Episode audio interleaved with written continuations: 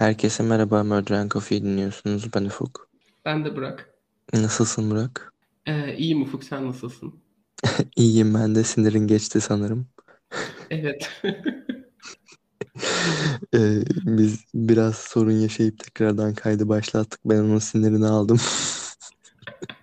Biraz güldürdüm. Şimdi eski moduna geri döndü.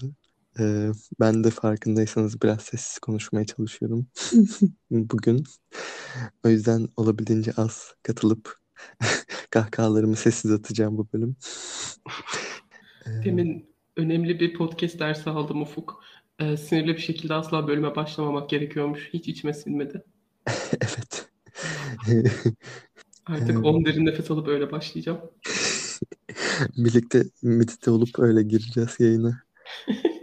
Bölüme başlamadan ben e, şeyi söyleyeyim. Discord sunucumuzu açtık. Linki e, her zamanki linklerimizin olduğu linkten linkimizin neydi? Linkimizin linklerimizin bulunduğu link. Ne diyeceğim ki buna? Linklerin linki. Aynen. Linklerin linkinden bulabilirsiniz dinlediğiniz platformda. Ee, Discord'a gelebilirsiniz. Orada sohbet ediyoruz işte ve bazı planlarımız var oraya dair. Ee, gelin kaynaşın diğer din- dinleyenlerle isterseniz. Ee, öyle onun duyurusunu yapayım dedim başlamadan. Başla o zaman ne diyeyim. Ee, uzundur seri katil yapmamıştık. Bugün bir seri katilden bahsedeceğiz. Hı, evet. Heyecanlı mısın? Ee, açıkçası değilim çünkü ben biliyorsun ki e, seri katil bölümlerini nedense pek sevmiyorum. Ama e, merak ediyorum açıkçası neler olacak. Yani çok ilgimi çekmese de seri katiller ama sen yine de bir şeyleri seçmenin sebebi oluyor ve onu dinlemek için sabırsızlanıyorum. Bir sebebin vardır ki seri katil seçmişsindir, bu bölümü seçmişsindir. Açıkçası yok. Burak. Evet, uzundur seri katil yapmamıştık. O yüzden dedim ki seri katil yapayım. Seni boşuna mı övdüm ben şimdi? Aslında aklımda benim başka bir bölüm var. Onu hala yapacağım ama o mini olabilir. Hani çünkü hakkında çok fazla şey bulamayabilirim ama çok ilginç bir şey. Çok seveceğini düşünüyorum. Yani işte bir şeyler farklı bir şeyler keşfetmesen sen bölüm yapmazsın. Bunu kastetmiştim ama sana yazıklar olsun beni yalancı çıkar. Ee, O bölüm için heyecanlıyım biraz. Güzel bölüm olacak. Ve şey yeni bir ülke ekleyeceğiz. Gittiğimiz ülkeler arasına. Bir, aa, güzel. Biz her seferinde bölümlerin içerisinde o bölüm diye bir bölümden bahsediyoruz işte gelecekten yapacağımız bölümlerden. Ve o bölümleri sanırım hiç yapmadık kadar. Bir de unutuyoruz. Şimdiye kadar bahsettiğin hiçbir bölümü yapmadın bölümlerimizde bahsettiğin. Ben de ne fark ettim biliyor musun? Bölüm boyunca işte şey falan diyorum sürekli. Her bölüm diyorum ki işte şunu hatırla şuraya geri geleceğim ya da şununla ilgili sonra bir şey söyleyeceğim. Sonra söylemiyorum. Unutuyorum tamamen ve aklımın ucuna bile gelmiyor. Evet editlerken fark ediyorum bazen. Ama e, eklediğin de oluyor ya yani. Bazen oluyor diyeyim. Yani daha yeni başladık bu podcast'te. Çok uzun süre olmadı. Ee, belki devam ettikçe not almayı da akıl edebilirim artık. Kim bilir bilmiyorum. E, tamam. e, sanırım uzun sürecek bu bölüm. O yüzden ne kadar erken başlarsak o kadar iyi benim için. Çünkü geçen bölümki gibi 3 saatlik bir ham kayıt istemiyorum açıkçası Burak. Birbirimizi kırmayalım. Ufuk biraz maceracı ol. Yeniliklere açık ol. Geçen seferki 3 saat sürdü. Hadi bu sefer de 5 saat sürsün. Ne olabilir ki? E, ama yani e, gergin bir şekilde sallanıyorum sandalyede. Tamam başlıyorum o zaman. Hazır mısın? Evet hazırım. Ee, bugün Anna Marie Han'dan bahsedeceğiz. Adını duydun mu hiç? Hmm, Yok hayır duymadım. Ya keşke bir şeyleri duymuş olsam artık.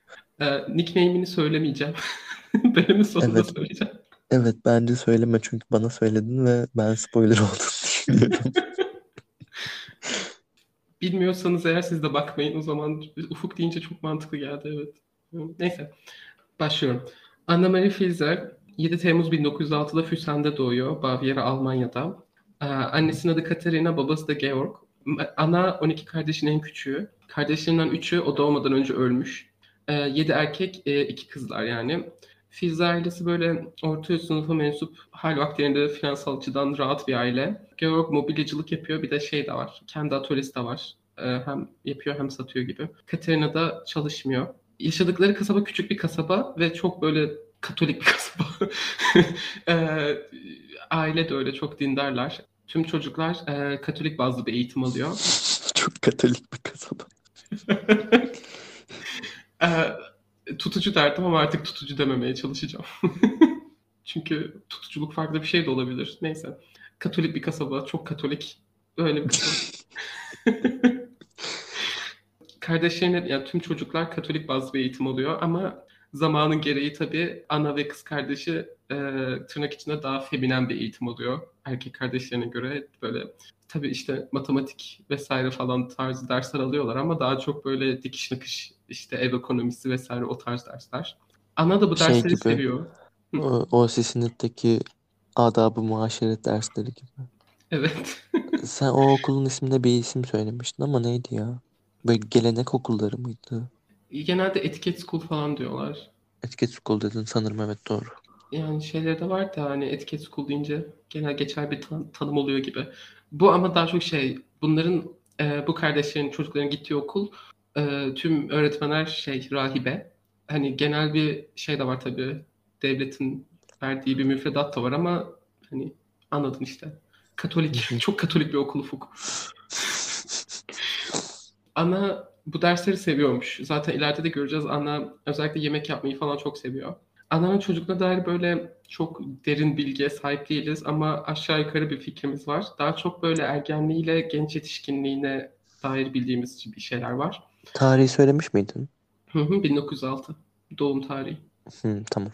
Ana doğa sporlarını ve dışarıda olmayı çok seven bir çocuk. Aynı zamanda sürekli oyun oynayan bir çocuk. Bir de şey sürekli işte rahat durmayan, atlayan, zıplayan o tarz çocuklardan. Bunlara değinmemin sebebi var. Şimdi önce Ana'nın 8 yaşından başlayacağım biraz. Ana 8 yaşındayken Birinci Dünya Savaşı başlıyor. Ana'nın başına iki önemli olay geliyor. İlki abilerinden biri savaşta ölüyor, şehit oluyor. İkincisi de Anna bir ağır bir kan zehirlenmesi yaşıyor, geçiriyor ve 5 ay hastanede kalıyor. Bu iki olay Anna'nın e, ölüme karşı bir takıntı geliştirmesine sebebiyet veriyor. 8 yaşındayken hem de sadece. Kan zehirlenmesi ne demek? Sepsismiş ismi. Halk arasında kan zehirlenmesi diye tabir ediliyormuş. Hı. Aynen. Yani bir enfeksiyon falan mı? Enfeksiyonun kan yoluyla tüm vücuda yayılmasıymış. Hı, Aynen. tamam. Ee, hani çok ağır bir şekilde atlatıyor bunu. 5 ay hastanede kalacak kadar. Bir de sadece 8 yaşında. Bunu e, ananın kendi söylemlerinden biliyoruz. Ölüme karşı bir takıntı beslemeye başlıyor. Bunu da kendi söylemiş. Şimdiye kadar hani Katolik bazlı bir eğitim alıyor ya hani ona göre ölüm kavramı hani sadece daha dini ruhsal açıdan kurtuluş şekliyle anlatılmış ya da öğretilmiş gibi ona ama ölümün daha ağır, daha nasıl desem, ölümün e, daha ağır bir şey olduğunu fark ediyor gibi mi desem. Hı hı. Bu bunun için de şey diyor, hayatım boyunca beni çok etkileyen bir şey oldu diyor. Bu bence biraz depresyon. Biraz depresyona giriyor gibi. Ya Çünkü ölümden korku olarak mı yoksa böyle bir obsesyon olarak mı ya? Ölüme Aha. takıntı. Ee, Hmm, ölümden çok korkmaya başlamış. Aynı zamanda sürekli ölüm hakkında düşünüyormuş ve ölüm hakkında böyle işte şeyler okuyormuş. hmm, anladım. Ee, ve hani kendi diyor hayatı boyunca onu çok etkilemiş bu dönem. Aynı zamanda hani biraz evden çıkmamaya falan başlamış. Ee, Sanki biraz depresyon gibi ama tabii ne diyebilirim. Sana önceki kayıtta şey demiştim ya. Sen şimdi. Aynen. Eee, şey yani tanı koymayalım ama falan demiştik bir önceki kayıtta. Depresyon gibi diyorsun. Neyse ben seni bozmayacağım. İlk denememizde şey çok işte atlayan zıplayan bir çocukmuş falan dedim. Ufuk da hiperaktif yani dedi. Ben de ona dedim ki yani tanı koymak hoş olmaz. Ve sonra dedim ki iki dakika sonra ama ben bir tanı koyacağım. Ve koydum. Söylüyorum. Anna Marihan 8 yaşındayken depresyona girmişti. Benim profesyonel görüşüm bu şekilde ve eminim ben aşağı yukarı. Ee, şimdi e, Ufuk senin en sevdiğin konuya geldik. Seri katillerde kafa travması. Yemin ederim sana 8 yaşından başlayalım dediğin zaman dedim ki acaba kafa travması gelecek mi şimdi? Kendi kendine dedim ki nasıl yani 3 yaşındayken kafa travması geçirmemiş mi? Ve inanamadım. Yeminle aklımdan geçti. Anna işte oynamayı falan çok seviyormuş. Bir de cesur bir çocukmuş dedim ya.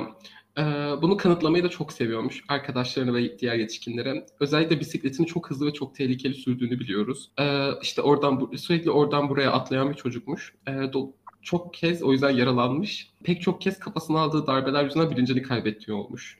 O o kadar bilinç kaybedecek kadar. Bir de pek çok kez. Aa. Ee, hani daha 1900'lerin başları olduğu için hani insanlar tabii çok e, bir şey düşünmemiştir hakkında. Ne yazık ki biz de hani ne kadar etkiledi bu kafa travmaları onu bilemiyoruz. Çünkü hastaneye falan gitmesi vesaire falan. Neyse. Etkilemiş.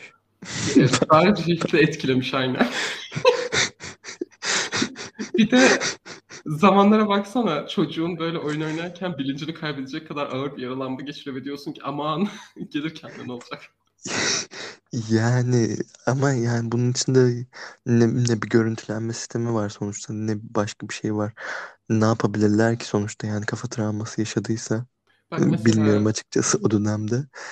Ee, ilk oluşunda bir şey demezsin. Ondan sonra çocuğuna dersin ki bak dikkatli oyna tamam mı bir daha olmasın. Ama hayır çok kez yaşanıyor. Ve hani diyorlar ki aman ne olacak? bence eminim ki söylemişlerdir ya. Bilmem olabilir. E, Katerina ve Georg'u da çok zan altında bırakmak istemem ama bilmiyorum, neyse. E, nerede kaldım? Hem e, hani kafa travmalarının öfke kontrol sorunlarına nasıl yol açabildiğini söylemiştik. Aynı zamanda işte e, özellikle nasıl dedim?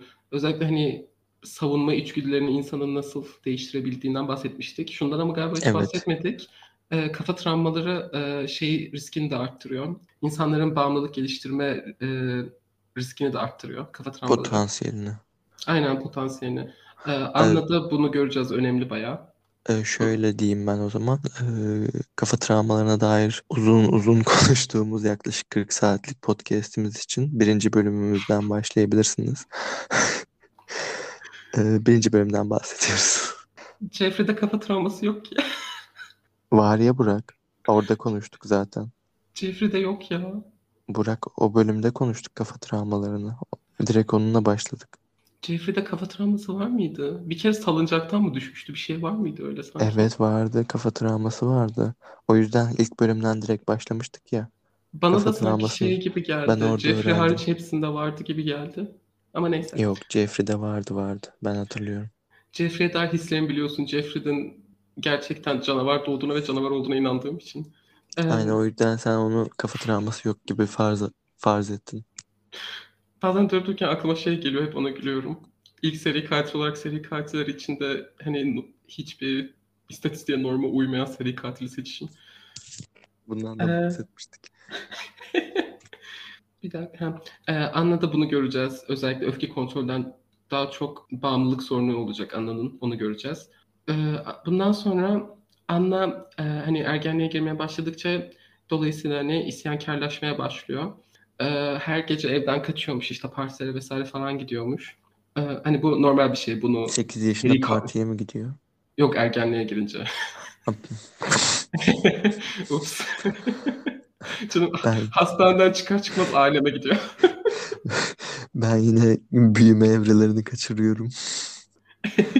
Ee, şey, bunu hani şey için söylemiyorum. İşte seri katili görüyor musunuz? Ergenlikteyken isyankarmış. Her ergen isyankar olur. Bunu sadece mecburen söylüyorum. Özellikle şey içmeyi seviyormuş ve hani dans etmeyi seviyor. 17 yaşındayken de bir sevgilisi oluyor. Bildiğimiz kadarıyla yani söylediği kadarıyla bu ilk sevgilisi. Ee, sevgilisi ondan yaşça büyük bir doktor. Bayağı büyük. Bu adamın adı e, Max Matscheki. E, Viyanalı. Aslen orada yaşıyor. E, ve sık sık Bavyera'ya geliyor. Ee, Anna 18 yaşındayken hamile kalıyor Ee, ve Max'a evlenmek istediğini söylüyor. Ondan sonra Max Anna'ya diyor ki ben zaten evliyim. Aa Evet. Ee, ve Anna'yı kürtaj olmaya zorluyor. Kürtaj olacaksın diyor. Ee, Anna bu arada şey inançlı biri. Katolik ve Anna o yüzden kürtaj olmayı, olmamayı seçiyor. Max'tan, Max'la ayrılıyorlar ve Anna ailesine her şeyi anlatıyor. Max Matschiki adında biri yok bu arada. nasıl yani? İsmi farklı mı? Ya bu adam Anna'ya sahte bir isim vermiş ya da Anna hani adamın itibarı zedelenmesin diye sahte bir isim vermiş diye düşünüyorlar. Hani şey düşünenler de var. Aslında böyle bir adam belki hiç yoktu falan diye düşünenler de var bilemiyorum da. Hani en azından ya adam ona sahte bir isim vermiş ya da Anna sahte bir isim veriyor. Başka yanında bir bir adam yok. Başka bir ihtimal yok. Çocuğu var çünkü ortada bir çocuk var. Yoktan var olmadığına göre bu çocuk. İşte. Katerina ve Georg olayı hoş karşılamıyor tahmin edebileceğin üzere. Georg hatta Anna'yı evlatlıktan reddetmek istemiş. Ee, Katerina red, buna izin vermemiş. Bir de şey de diyorlar da buna dair özel bir örnek göremedim. Katerina, şey Anna annesinin Katerina'nın en sevdiği çocuğuymuş. Böyle diyorlar ama özel bir olay göremedim yani buna parmak gösteren. Ama yine de belirteyim.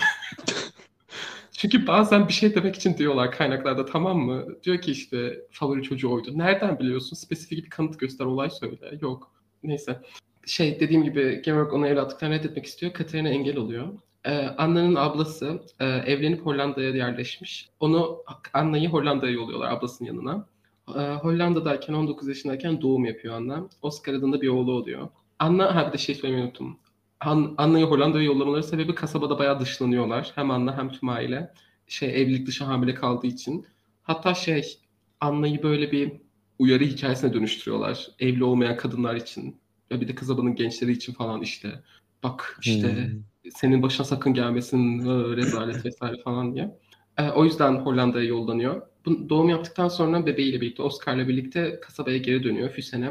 Çünkü şey e, bebek sanki Katerina'nın bebeğiymiş gibi yetiştirilecek. Ama tabii tüm kasaba biliyor, herkes biliyor. Sadece hani bebek şey hani bebek dışlanmasın diye sanırım. Hı hı. Yani en azından deniyorlar. İşe yaramıyor ne yazık ki. Döndüğü zaman Füsen'e her şey aynı. Katerin, hatta insanlar uzak duruyormuş şeyden, Anna'dan. Arkadaşlık bile etmiyorlarmış. Tamamen dışlanmış yani toplumdan. Hı hı. Bu yüzden Katerina diyor ki e, Amerika'ya git. Amerika'da şey Katerina'nın e, büyük ihtimalle öyle de Katerina'nın kuzeninin Katerina'nın kuzeninin eşi yaşıyor. Aha, kuzenin Yani- eşi evet. Aynen hani kuzeniyle birlikte evlenmiş bu adam. Amerika'ya taşınmışlar. Kuzenin, kuzeni hayatını kaybetmiş ama eşi duruyor. Bu adamın adı e, bir dakika bulacağım. Af- acaba Jeffrey Dahmer'da kafa travması yok muydu? Kafamı kurcaladın bir. Ha, olabilir bilmiyorum. Hep bazen Vardı çok fazla ya. insan var. Çok fazla kişi var. Neyse e, Max Doschel bu adamın adı. Hı hı. Ee, Max Doschel'e bir mektup yazıyorlar. Hani Amerika'ya gelse seninle kalabilir mi? İşte ayakları üstünde durabile, durabilene kadar vesaire falan. Max da tamam diyor. Planları şey işte vize alacak, Amerika'ya gidecek, Amerika'da çalışacak, para kazanacak, aynı zamanda evlenecek. Bunu özellikle belirtiyorlar, evleneceksin diyorlar. Bunun için de şey diyorlar hani bir oğlun olduğunu bilmesinler, evlilik dışı bir oğlun olduğunu yoksa kimse seninle evlenmez vesaire. Adam bayağı yaşlı zaten Max. Bayağı 70'lerinde. Hani sadece şey akraba diye hani onun yanına yollanacak. Kalacak bir yeri olsun diye. Bundan sonra Anna vizesini alıyor. Ee, 1929'da Anna Cincinnati'ye taşınıyor, Ohio'ya. Ee, Anna Amerika'ya gelir gelmez e, kızıl hastalığına yakalanmış. 3 hafta o boyunca hastalıkları öğreniyorum. Burak'la hastalıkları öğreniyorum. sadece kızıl hastalığı diyebiliyorum. Bakalım kızıl hastalığı neymiş. Bir. Ateşli bir şey olduğunu biliyorum. Bir tek o kısmı biliyorum. Çünkü İngilizcesi Scarlet Fever. Bir de internetim eğer bu kadar yemiş olmasa mı? Bir, bir şey bir başka 1900'ler hastalığı işte. Yani şu an bir aşı olsan geçecek ama vakti zamanda mecburen 9 ay hasta yatıyor musun hastalıkları? Ama biz dinleyenlerimizi bilgilendirmeyelim mi Burak? Tekmeyi kapadım.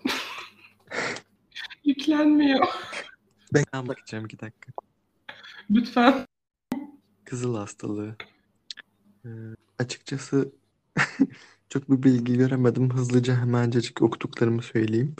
Ee, bulaşıcı bir hastalık. Hasta olan kişi ağzını kapamadan öksürdüğü ve hapşırdığı zaman tükürükteki bakteriler damlacık yollarıyla, solunum yoluyla insanlara bulaşırmış. Ee, ve ateşli ve döküntülü bir hastalıkmış. Ben sadece işte ateş olduğunu biliyorum. Onun dışında pek bir şey bilmiyorum. 3 hafta boyunca yataktan çıkamıyor bu yüzden. Bundan sonra şey, e, ha bir de şey söylemeyi unuttum pardon. Max hani hem evini açıyor hem de gelebilmesi için borç veriyor bir de ona. Vallahi sağ olsun. Evet, akraba gibi akraba. Bundan sonra şey hani plan şey iş bulacak, borcunu da ödeyecek Max'a. Ee, iyileşince temizlikçi olarak çalışmaya başlıyor ama borcu ödemiyor. Ee, aynı zamanda bak buradan sonra Anna'nın Anna bir kalpazan ve kötü biri. ve bazen hani sadece şey tamam seri katil tabii ki kötü biri olacak da göreceksin hani asshole gerçek bir asshole. Hmm, Ee, kötü olmak için kötü. Yani yapabilir. Bak parası olacak bayağı tamam mı? Ödemeyecek yani. Ödemiyorum diye. Max'a paranı, parasını geri ver yani. Adam sana evini açtı. Neyse. Boş boş oldu. Neyse. Borcunu ödemiyor. Aynı zamanda çok pahalı eşyalar ve kıyafetler almaya başlıyor. Hani kendi maaşıyla hayat alması imkansız olacak şeyler. Bir de kira da ödemiyor. Ve şey, e, şey falan. Bir de bu neden önemli biliyor musun? Çok manipülatif biri tamam mı? İşte Max'a mektuplaşırken hani adamı biraz ikna ediyorlar. Hani gelsin sen de yaşasın diye. Max'a şey falan diyor işte zaten siz de hani dul kalmışsınız. Ben hani ev işi de yaparım. işte birbirimize Aa. dost ol. Aynen anlatabildim mi? Diyor ki hani ben size ikinci bir kız olurum. Hani ikinci bir çocuk olur. Hani ya ikinci bir kızınız olurum falan diyor. Anlatabildim mi? Bir tane kızı var çünkü. Hmm. Hani o öyle bir ikna kampanyasından sonra geliyor. ne ev işi var ne adama borcunu ödüyor. Hiçbir bok yok yani. Şey peki e, e, parasının yetmeyeceği eşyaları nasıl alıyor? Şey kumar oynuyor. Parası yetiyormuş o zaman. Hayır. Ya e, doğru bir noktaya parmak bastın haklısın. Ee, Anna Kazanıyor sonuçta. Anna çok ağır bir kumar bağımlılığı geliştiriyor. İlk seferini de şöyle biliyoruz. 1929 Anna Amerika'ya gelir gelmez başlıyor tamam mı? ya kızıl hastalığını atlattığı gibi masaya oturuyor. Ee, 1929 yılında yine ilk kez at yarışı oynuyor tamam mı? 2 dolar verip 200 dolar kazanıyor. O zaman 200 dolar da şu anın 4000 doları falanmış. Hani hmm. 200 do 2 dolara 200 dolar kazanıyor ve diyor ki evet buldum ben artık bir kumarbazım. Çünkü biraz anında oluyor. Hani böyle anla da böyle bir hani ısınma dönemi, yavaş yavaş bağımlılık geliştirme dönemi yok. Bu 200 doları kazandıktan sonra Anla diyor ki günlerimi gecelerimi kumara yatıracağım. Böyle bir şey varmış neden olmasın diye hemen. Gerçekten birden hayat gayesini buluyor. Ee, sadece at yarışı da oynamıyor. Hem illegal hem yasal böyle gazinolara mafyanın sahibi olduğu merdiven altı kumarhaneler falan anlatanan bir yüz haline geliyor anında. Bu hayatı boyunca da devam edecek. Şeyle birlikte hani böyle çok pahalı eşyalar ve kıyafetlerle geliyor eve falan demiştim ya. Bununla birlikte çok fazla para harcıyor. Bunu da fark ediyor Max. Özellikle bir de hani şey yapıyor bak Esol dedim ya burada göreceksin. Çok pahalı yemekler getiriyor eve oturuyor tek başına yiyor. Aa, aa insan bir, bir Adamla paylaşmıyor bile. Adamın şey yiyor, ıstakoz yiyor. Adamcağız da yani içinden diyor ki bana borcun var ama neyse. Bundan sonra şey dediğim gibi işte hem böyle legal hem illegal gazinolarda merdiven altı kumarhaneler her yerde tanınan bir yüz haline geliyor kumar aleminde böyle denirse. Neyse. Anna 1929 sonlarında Anna Max'ın evinden çıkmak istiyor. Ee, çünkü Anna her gün diyor ki benden bugün yarın parasını isteyecek ve parayı vermek istemiyor. Parası parası var. Para var ama vermek istemiyor. yani herhalde Max'ın artık sinirlendiğini farkına varıyor. ee, şimdi 1929'un sonlarına doğru Anna Max'ın evinden taşınmak istiyor. Çünkü Max'ın bugün yarın parayı isteyeceğim, borcunu isteyeceğine emin ve ödemek istemiyor. Max'ın eşinin, ölen eşinin kardeşi Charles Oswald adına bir adam, 71 yaşında. Ben demin galiba bölüm başına şey demişim. Katerina'nın kuzeni Max. Max'ın ölen eşi değil. Özür dilerim. Hmm, tamam. Charles Oswald'un evine taşınıyor. Bu, bu adama Uncle Charlie diyor ama akraba değiller, kan bağı yok. Ama Uncle Charlie diyor. Bu kısım önemli. Çünkü nasıl hani bak retoriğini nasıl değiştirdiğini göreceksin Anna'nın. Anna inanılmaz manipülatif biri ve böyle bu çoğu seri katilde var dediğim gibi çünkü sosyopatlarda çok görünen bir şey. Yani sosyopatlar insanların ondan ne istediğini biliyor. İnsanların e, zayıflıklarını nasıl lehlerini kullanabileceklerini biliyorlar ya. Anna da bu 5000 kat. Anna'da şeytan tüyü de var. Anna'yı herkes çok seviyor. Bayılıyorlar Anna'ya. Öyle böyle değil. Ama yani mesela çok bariz bir şekilde kötü bir insan. Ama insanlar diyor ki çok neşeli, harika, yemekleri çok güzel. Bayılıyorlar Anna'ya. Özellikle yemekleri. Uncle Charlie'nin yanına taşınıyor. Anna herkese diyor ki ben Almanya'da hemşirelik eğitimi gördüm. Ben aslında hemşireyim. Yalan bu diyor ki Charlie'ye hem yani böyle ev işlerine de yardım ederim hem senin bak sağlığında pek yerinde değil gibi böyle sana hasta bakıcılık da yaparım. Aynı zamanda işte Aa. aynen bir de Charlie yapayalnız bir insan. Max'ın yine çocukları da var ama evde pek değiller. Enteresan bilgi vereyim mi sana? Max'ın çocukların şey Max'ın damadı e, FBI ajanı olmuş. Aa. Bunu biliyoruz. Ondan sonra da şeye geçmiş. Bunu çok diyorlar. Bak bu adam FBI ajanı oluyor. FBI ajanı olduktan sonra şey de oluyor. Amerikan başkanının kendi özel timi var ya adını unuttum. Hmm, evet evet bildim. Secret Service. Secret Service ajanı oluyor. Başkan Roosevelt'in koruması oluyor. Aa, İnanılmaz bir bağ. kadın yüzünden. Şey diyorlar bu kadını tanıyor. O da çok seviyor. Diyorlar ki bu adam bile bir şey olduğunu anlayamamış. Ee, buna bir de değinmemin enteresan bir noktası daha var. Secret Service ile bir seri katil arasındaki tek bağ değil bu bildiğimiz. John Wayne Gacy'yi duydun mu hiç? John, Wayne Gacy. sanki sen bahsini geçirmiştin ya bana bir şey anlatırken hatırlar gibiyim. Ama Kesin bilmiyorum. geçirmişimdir. O da böyle en çok tanınan seri Aynen. katillerden biri şey palyaço katil. Hı hı, aynen isminden hatırladım evet. Geçirmiştin. Minik bir hikaye. Bu adam çok ağır bir demokrat tamam mı? Çok seviyor demokratlığı. Ee, şeyle fotoğrafı var. Kadın adını unuttum. Jared Ford. Hayır. Bir Amerikan başkanın o zamanın Amerikan başkanın eşiyle fotoğrafı var. Başkan ya da eşiyle fotoğraf çekilebilmek için şey Secret Service'in onayı gerekiyor. Secret Service bu adam hani background check yapıyor ve John Wayne Gacy'yi bir seri katil onaylıyorlar. Fotoğrafı var Amerikan First Lady'siyle. Aa, Evet. Bir de John Wayne Gacy'den bir gün korkunç. bahsedeceğiz. Jo- hani bu seri katillerin hemen hemen hepsi yani hepsi hemen hemen de değil. Hepsi böyle polisin elinden falan çok fazla kez kurtuluyor ya. John Wayne Gacy 100 kere falan kurtuluyor. Ve o yüzden bu hani böyle inanılmaz bir ayrıntı. Çünkü bu adama Secret Service, Amerikan başkanının korumaları bile background check yapıyor ve onaylıyorlar. Diyorlar ki tamam fotoğraf çekilsin First Lady ile.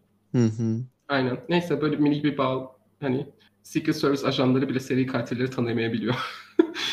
Eee, hani ama şey şey diyordum aynen hani Max'ın en azından çocuğu falan var böyle arada geliyor o yapayalnız değil ama Charlie yapayalnız. Eee dediğim gibi şey hemşirelik eğitimi aldım ben hemşireyim aynı zamanda falan da diyor. Charlie de kabul ediyor teklifi. Eee, ona evinde bir oda veriyor. Anna Ufuk bu eve taşınır taşınmaz Charlie'ye Max'a olan borcunu ödemesini ikna ediyor. Diyor ki benim borcumu öde.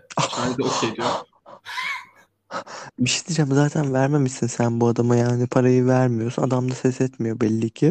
Niye başkasına kendi borcunu ödesin ödetiyorsun? O adam o Ya parayı belli almıyor zaten. Max parayı istiyormuş belli ama sadece hani böyle çok her gün böyle paramı geri ver falan demiyormuş bariz bir şekilde. Zaten hani evden çıkmasının sebebi de oydu başlarda. Ama bak yeni tanış hani bu adamla böyle çok derin bir bağ yok henüz. Sadece biliyorlar birbirini tanışıyorlar. Evine taşındığı gibi bak evine kiracı olarak taşınıyor. Diyor ki benim borcumu öde. Ve Charlie de tamam diyor ödüyor. O, o kadar başarılı manipüle, manipüle öyle. Ne diyordu? konuşamıyorum. O kadar manipülatif bir insan ki ve istediğini almayı o kadar iyi biliyor ki. Özellikle de erkeklerden. Allah bilir. Açıkçası gerçekten Allah bilir. Ya da yani yemeklerin bu kadar lezzetli olamaz. Çünkü hani bunu şey için diyorum. Anna'nın yemekleri de Anna'nın yemekleri. Bu davayı araştırın. Duyacağınız tek şey çok güzel yemek yapıyor, çok güzel pasta yapıyor. Ama yani yapıcı, insanları öyle şeyleri yapmaya ikna ediyor ki Ufuk. Bu kadar hani şey falan diyor, güler yüzlü, neşeli, iyi kalpli bir insan falan insanlara insanlara o yüzden ne istese veriyor. O kadar da olamaz ki. Yani bilmiyorum. Neyse, Gerçekten eee, ilginç. bundan sonra Anna fark ediyor ki ha bu adam bu adamın niyeti şey değil. Bu adam bana aşık oluyor diyor. Fark ediyor. Hani başta şey oynuyor. İşte hani yalnızsın, ben de yalnızım burada. Birbirimize işte dost oluruz. Ben senin bir kızın olurum abi, a- Uncle Charlie diyor. O yüzden Uncle Charlie diyor ona. Ama ondan sonra fark ediyor ki Charlie ona aşık. O yüzden bunu oynamaya başlıyor. Uncle Charlie demeyi kesiyor öncelikle. Charlie diyor sadece. Ee, ondan sonra Max'a olan borcunu ödettirmesi yetmedi. Kendine harçlık bağlatıyor. Haraç kesiyor diyelim ben çok. Yok gönüllü yani. Haraç kesmek diyemezsin ki. Charlie'nin de canına millet açıkçası. Charlie'ye öyle şeyler yaptırtacak bir ufuk. Ondan sonra tabii bu parayla kumar oynuyor sadece. Bir de bak Anna'ya dair şöyle bir şey var. Anna çalışıyor sürekli. Hani çalışmadığı bir dönem yok ama sadece başkalarından aldığı parayla kumar oynuyor. Kendi parasıyla asla oynamıyor. Esol. Gerçek bir esol. Bundan sonra şey Anna bu dönemde bayağı hayatını yaşıyor. Öyle böyle değil. Bayağı parası var. Bir de galiba hani oyunlarda da iyiymiş galiba. Yani at arışında ne kadar iyi olabilirsin bilmiyorum da hani kumarda iyiymiş galiba. Ne bileyim poker mukerdir herhalde. Onlar da iyiymiş. Geziyor, içiyor, sıçıyor, partiliyor. Bundan sonra Anna e, öğreniyor ki Charlie'nin Ufuk bir elektrik şirketinde hisseleri var. Eyvah. Bunu duyan Anna durur mu? Anna'dan kaçar. Anna'nın gözleri şey dolar işaretine dönüşüyor. Ben bununla kumarhane satın alırım. Anna abi açık açık Charlie'ye direkt diyor ki bu hisselerin %20'sini bana verirsen ben seninle evleneceğim. Aa, Charlie de pekala diyor tabii ki. Ee, ah Charlie Anna, ah. Anna bu hisselerin %20'sini alıyor evlenmiyorlar. Ee, ve Anna abi Charlie'yi yıllarca erteleyip duracak. Charlie de Charlie Bak Charlie'ye bir ara araştırırken Charlie'ye başta biraz üzülüyordum. Ondan sonra dedim ki ama yani torunu yaşında bir insan. O yüzden bilmiyorum. Çok üzülmüyorum ama komik yani. bu şey bu zaman sarfında Charlie nişanlılar sanıyor ve sevgililer sanıyor. Hani Anna da bunu oynuyor ama Anna hani randevuları falan da çıkıyor. Gülme. Ciddi kalamıyorum. Ondan sonra bir gece böyle bir partide Anna Filipan adında biriyle tanışıyor. Ee, Philip de onun gibi Almanyalı bir Alman asıllı bir göçmen. Şey Cincinnati'de böyle çok büyük bir Alman göçmen topluluğu varmış. Toplumu varmış. Philip'le tanışıyor. Şimdi bu Anna'nın deyimiyle tamam mı? Anna gerçek bir esol olduğu için Anna diyor ki ben yakışıklı erkekleri seviyorum. Uzun boylu sarışın yakışıklı erkek severim. Philip böyle bir insan değildi diyor. Philip kısa boylu böyle yakışıklı değil diyor bu Anna'nın lafı. Ama diyor iyi kalpli biriydi. O yüzden ona aşık oldum. Yani parasını yiyebilirdim o yüzden aşık oldum. Aslında motifi biraz daha farklı. Bak şöyle, e, Philip 27 yaşında, Anna şu an 24 yaşında. E, Philip 27 yaşında bir telgrafçı. Gerçekten kibar ve iyi kalpli biriymiş. Anna'nın, e, Anna Ufuk ablasını çok örnek alıyor. Ablasının adı Kati. Şöyle örnek alıyor ama Anna'ya göre Kati tırnak içinde bir kadının sahip olması gereken her şeye sahip. Mutlu bir evliliği var, çocukları var. E, işte tırnak içinde iyi bir din, iyi dindar bir kadın e, ve tuhaf bir şekilde tüm bu özellikleriyle birlikte ablasının rol model alıyor. Ama yani kendisi bir kalpazan. Çok tuhaf. Psikolojisi çok tuhaf Anna'nın. diyor ki ablam dini bütün harika bir işte tırnak için diyorum bunların hepsini benim laf hani Anna'nın düşünce şekli şu böyle. Diyor ki işte, çünkü hani böyle yetiştirildi ya biraz. İşte dini bütün iyi bir işte eş, iyi bir anne. Benim istediğim şey de bu. Philip de gördüğü de bu. Diyor ki Philip'le birlikte bu hayata, bu aileye sahip olabilirim. Çünkü hayatı boyunca ablasının rol model oluyor. Ama yani öyle şeyler yapıyor ki ablam bunları yapmazdı. çok tuhaf çünkü böyle çok enteresan psikolojisi var e, Anna'nın. Bilmiyorum. Neyse. Ee, hani diyor ki Philip böyle onun lafları bunlar yakışıklı değil, tam tipim değil ama onunla bu hayatı yaşayabilirim, böyle bir aile kurabilirim diye. Ee, Philip'le hemen sevgili oluyor. 3 ay sonra da evleniyorlar. Ee, 5 Mayıs 1930'da evleniyorlar. Uncle ee, Charlie'ye ne oldu? Charlie'ye evleneceğini söylemiyor. Ee, düğüne de davet etmiyor. Charlie hala nişanlılar sanıyor. Anna Charlie hani Çok kötü. Bak şu an Charlie ile yaşamıyor. Evden taşındı. Ama diyor ki ben seninle evleneceğim. Tabii ki de evleneceğiz. Ama Anna şu an bu yine Anna'nın kendi sözü. Diyor ki ölmesini bekliyorum. Çok kötü biri ya. Korkunç. Ee, Philip de Charlie'den habersiz. Anna Philip'e Oscar'dan bahsediyor, oğlundan. Ee, Philip hani şey beklemiş, hani e, evlilik dışı bir çocuğu olduğunu öğrenirse işte Philip ondan ayrılır vesaire falan diye beklemiş. O yüzden evlendikten sonra söylemiş. Ama Philip gerçekten iyi kalpli, düzgün bir insanmış ki takmıyor bunu. Anna diyor ki ben Oscar'ı yanıma almak istiyorum. Çünkü çocuğun oğlunu seviyormuş gerçekten. Ama Oscar'dan da bahsedeceğiz. E, Oscar nerede kalıyor peki normalde? Oscar şu an hala ya. Almanya'da, Füsen'de hala. Kim bakıyor acaba? Katarina ile Georg bakıyor. Büyük ailesi büyük. A, doğru şey demiştin doğru hatırladım. Ve Oscar şu an onları hani gerçek anne babası sanıyor. Hı hı, aynen aynen söylemiştin. Yani bir de şey de var. Kasabadaki insanlar biliyor. Oscar'dan ne kadar iyi gizleyebilmişler bilmiyorum. Hani gizleyebilmişler mi ama hani gördüğüm şeylere göre Oscar gerçekten annesiyle babasını hani Katarina ile Georg sanıyor. Hı hı. Diyor ki Filip'e hani şey Filip'e diyor ki Oscar'ı Almanya'dan getirmek istiyorum. E, Philip de tabii ki diyor. E, bundan sonra Almanya'ya dönüp işte Philip'i almak için plan yapıyor e, Kater, şey Anna. Bu bir de onun için böyle bunu, bunu da kendisi söylüyor. Bu onun için böyle bir zafer e, gösterisi olacakmış. İşte Amerika'ya gittim ve evlendim işte. Amerika'da yaşıyorum. İşte hepiniz beni dışladınız vesaire falan tarzı. 1930 Temmuz'unda Anna Ufuk Charlie'nin banka hesabındaki tüm parayı çekiyor. Ee, e, kendi Charlie'nin ona verdiği hisseleri, o hisseleri %20'sini de paraya çevirtiyor.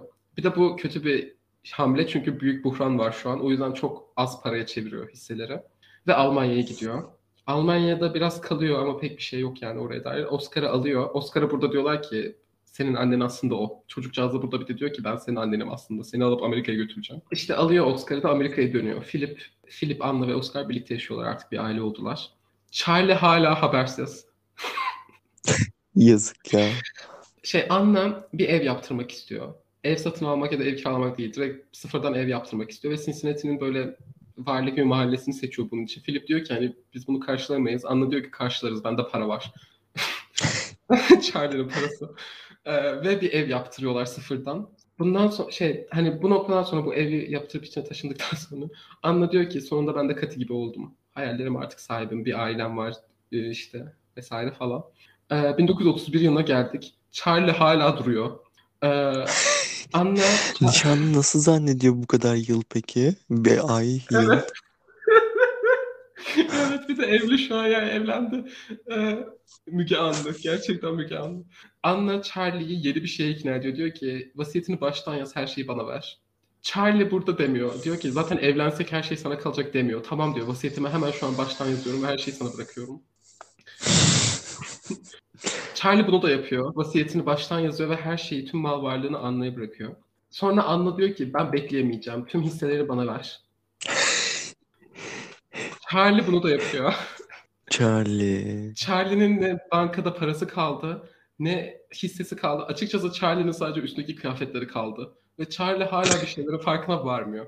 Ee, bundan sonra Anna diyor ki Filip'e biz kendi işimizin sahibi olalım ve bir dükkan açalım. Böyle market hani minik bir market bakkal tarzı bir şey açmak istiyor. Tamam diyorlar açıyorlar bu bakkalı. Bak Anna kötü bir yatırımcı. Büyük buhranın ortasında tüm Amerika'nın yarısı Evet. Amerika'nın yarısı açlık sınırının altında yaşıyor şu an. Bir de yani neyse e, marketi de açıyorlar. Ondan sonra sonunda Ufuk bu marketin açılmasından kısa bir süre sonra 30, 1931'in ortalarında Charlie sonunda Anna'nın evlendiğini öğreniyor. Şükür nasıl öğreniyor? Onu bilmiyorum. Sadece öğrendiğiniz, öğrendiğini biliyoruz. Aynı zamanda şeyi de öğreniyor. Bak burada Charlie'den iyice bir soğudum. Kötü bir insanmış. Oscar'ı da öğreniyor ve bu hiç, hiç hoşuna gitmiyor. Evlilik dışı bir çocuğun olması Anna'nın hiç hoşuna gitmiyor. Yani Charlie iyi bir insan değil aslında. Ama yani yine de. Ee, bundan sonra Charlie galiba bir aydınlanma yaşıyor. Sonunda Charlie bir aydınlanma yaşıyor. Diyor ki hani ne bir param kaldı ne bir şeyim kaldı hiçbir şeyim yok. Bu ne yani? Sonunda anlıyor dolandırıldığını. Ve Anna'ya dava açıyor. Ee, yapıyor. Sahte gelin. Gerçekten sahte gelin. ee, şey, e, şikayeti de şey söz ihlali. Bunu şey diyor yani nişanlılar ya sözde söz ihlali diye dava açıyor. E, isteği de şey tüm birikimini ve hisselerin yüzde altı tüm hisselerin ve birikimini yüzde altı faizde geri istiyor. E, Anna bunu yapamaz. Çünkü ev yaptırdılar, market açtılar falan ya para kalmadı. Zaten hisselerin hepsini de geri de veremez. Çünkü zaten yüzde yirmisini sattı bile. Ama kalan hisseleri geri veriyor. Ee, ama dava devam ediyor çünkü tüm şartlarını yerine getirmedi. Anna dava görülmesin diye şey mazeretler sunup duruyor. Özellikle şey sağlık durumuyla ilgili mazeretler. Çünkü Anna'nın planı yine Charlie'nin ölmesini beklemek. Çünkü Charlie ölürse dava düşecek. Büyük buhran yüzünden yine dükkan batıyor. yani çeşitli dediğim gibi işte mahkeme hani şu an kötü zamanlar yaşanıyor, paraları yok ve şey evi kaybetmek üzereler çünkü ev için kredi çekmişlerdi. Onu ödeyememeye başlıyorlar doğal olarak. Philip'le evliliğinde de sorunlar çıkmaya başlıyor bu noktada. Hem dükkan bat... Öncelikle Philip şeyden pişman oluyor işte işini bıraktığına falan pişman oluyor. Çünkü bu işinde şey 14 yaşından beri bu işte çalışıyormuş. Aynı yerde. Aa. Aynen pişman oluyor. Aynı zamanda Anna, Anna sürekli dışarıda olduğu için de kavga ediyorlar. Çünkü Anna sürekli kumara çıkıyor geceleri. Ee, aynı zamanda Philip'in ailesi de Anna'dan nefret ediyormuş. Ee, ya haksız sayılmazlar. Yani. Ama ne biçim güldün? Niye öyle güldün? 1932'ye geldik. Anna, Phil dahil bu arada herkes Anna'yı hemşire sanıyor tamam mı? Anna da diyor ki ben hani özel hemşire olarak çalışayım ama sadece hani hemşirelik de yapmayacak aynı zamanda şey ev işlerini falan da yapacak. Yemek de yapacak. Hani bu insanlar için, baktığı insanlar için. O yüzden böyle hasta bakıcı mı desem desem daha mı doğru olur diye düşündüm. Çünkü hemşire de Aynen de, sanırım. Yani çünkü ona hemşire de diyemeyiz aynı zamanda. Çünkü hemşire de değil. Aynen sanırım hasta bakıcı gibi bir şey. Ya özel hasta, hasta bakıcı diyelim biz Anna'ya. Böyle işte iş aramaya başlıyor. Bu noktada bir de şöyle bir şey var. Şey dedim ya bir Alman göçmen topluluğu var. Bu topluluk içinde Anna çok popüler. Herkes bayılıyor Anna'ya. herkes diyor Anne ki böyle? herkes diyor ki çok neşeli, çok harika, mükemmel yemek yapıyor diyorlar. Aynı zamanda yemek de yemek. Aynı zamanda bu hayatta duyduğum en tuhaf gerekçe diyorlar ki Bavyera aksanı çok şeker. Ee, Gerçekten kelimem yok. ben, ben Bak burada bir de hani burada bir de hani Anna inanılmaz harika manipülasyon yapıyor. Bunu görüyoruz. Bir de galiba gerçekten şeytan tüyü de var yani. İnsanlar bayılıyor Anna'ya. Kaldı ki bir de burada şöyle bir şey de var. Oscar bu dönem zarfında artık okula falan başladı. Oscar çekilmez bir çocuk. Çok sorunlu bir çocuk. İnsanlar çocuklarını Oscar'dan uzak tutuyor. Oscar'ın bir silah takıntısı var. Okula silah falan götürmüş. kaç yaşındayken İlkokulda şu an daha. İlkokuldayken. Bir de Anna Oscar'a silah satın almış bir tane. silahı nereden buldu diyecektim. Anna çocuğa demiş ki al evladım sana bir adet silah. Çünkü 1932 yılındayız. Ve ben Anna'yım. Eminim Oscar'ın üstüne falan yapılmıştır o silah. İz, izin çıkmıştır. Bundan iki sene sonra Oscar e, savaşa falan yollanacak, evlenecek. Çünkü zamanlar. E, bak mahall- mahallenin hani herkes Oscar'dan çocuklarını uzak tutuyor. Ama Anna'ya bayılıyorlar. Buna artık Avrupalı bireyselciliği mi desem ne desem bilmiyorum. Ama açıkçası bu insanlar Anna'yı sevmek istemiş bence. Çünkü, çünkü güzel yemek yapıyor.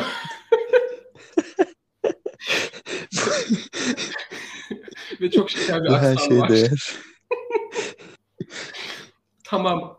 e, O, onun oğlu benim oğlumun kafasına silah dayamış olabilir. Ama Anna'nın Berliner'ini yedin mi? İnanılmaz. Bir de şöyle bir ayrıntı da buldum. Anna'nın yemeklerini hani Alman göçmen olmayan insanlar sevmiyormuş. Alman göçmenler seviyormuş. Böyle bir ayrıntı da buldum. Enteresan bir şekilde. Şey işte e, ho- homesickler tamam mı? O yüzden özlüyorlar yemeklerini. Ananın şinisellerine bayılıyorlar. Çok mantıklı. Gerçekten öyledir büyük ihtimalle. Diyorlar ki ah vatanımız. Vatan kokan pastalar. Neyse. Oscar bayağı sorunlu bir çocuk bu arada. Hani gülüyorum da Oscar için bayağı üzüldüm. Şey okuldan falan atılıyor Oscar bayağı. İlgilenmiyor mu peki? Şımartıyor. Oscar'ı fazla seviyor. Bir de Oscar Hmm. bak çocukcağız travmatik bir hayat yaşadı. Yani birden uzun zamandır böyle yıllardır görmediği ya da iki yıl, üç yıl. Üç yıl mı? Yo bir yıl pardon. Bir yıldır görmediği kız kardeşi eve geri geliyor ve diyor ki ben aslında senin annenim. Şimdi seni alacağım ve Amerika'ya götüreceğim. Öncelikle bu var. Ay yok bir yıl olur mu? 29'daki Da Charlie ile bir yıl geçirdin aslında. Yok şey Amerika'ya 29'da gitti. 30'da dönüp Oscar'ı aldı. Şimdi 32 yılındayız. Ha tamam. Aynen bak öncelikle diyor ki ben aslında senin annenim, ablan değilim. Hadi kalk bambaşka bir ülkeye taşınıyoruz. Ondan sonra ha, bu arada çocuk yaşadığı kasabada dışlanıyor tüm ailesiyle birlikte. Onu da biliyoruz dışlandığını. O yüzden hani şeyi anlamadım. Nasıl hala annesini Katerina ile Gorg sanıyormuş bilmiyorum ama neyse hani çocuk zaten travmatik geçmişten geldi birden bambaşka ortama sokuyor. Ondan sonra çocuğun eline silah veriyor. Diyor ki istediğini yap oğlum. Neyse konumuz Oscar değil. Bundan sonra bayılıyorlar dediğim gibi şeye, Anna'ya. Ee, 1932 sonbaharında artık hani evlerinin kredisini ödeyemedikleri için evden atılıyorlar. Ee, Philip taksicilik yapmaya başlıyor. Sonunda iş buluyor. Hani iş bulamamış uzun süre. Ee, Anna Ernst Koch adında bir adamın yanında hasta bakıcı olarak işe başlıyor. Şimdi bu adamın adını Filip'in eski eşini biliyor muydun? e, telegrafçı. Ha doğru söylemiştin tamam. Aynen. Şimdi bu adamın adı Ernst Koch sanırım. Adın adı için hem Ernst, gördüm hem de Erik gördüm ama Ernst'i daha fazla gördüm. Soyadı için de hem Koch gördüm hem de e, Kohler gördüm ama Koch'u daha çok gördüm. O yüzden Ernst Koch ama farklı herhangi bir kombinasyonda olabilir. Hı hı. Biz ona Ernst diyeceğiz. Bunun Ernst- böyle bilinmesinin sebebi ne? Bilmiyorum. Zamanlardan herhalde galiba. Çünkü adam şu an 73 yaşında. Hı. Ernst de Anna gibi Alman asıllı bir göçmen. Ee, 73 yaşında dediğim gibi e, boğaz kanseriyle boğuşuyor. Üç katlı büyük bir evde yaşıyor tek başına. Aynı zamanda şey, bak Anna'nın manipülasyonu tekrar başlıyor. Anna işe başlar başlamaz Ernst'i tüm ailesini eve taşımaya ikna ediyor. Diyor ki ben ailemle bu eve taşınayım. Ernst de diyor ki tabii ki gel. Yarın kredi çektirmezse o adama ben hiçbir şey bilmiyorum.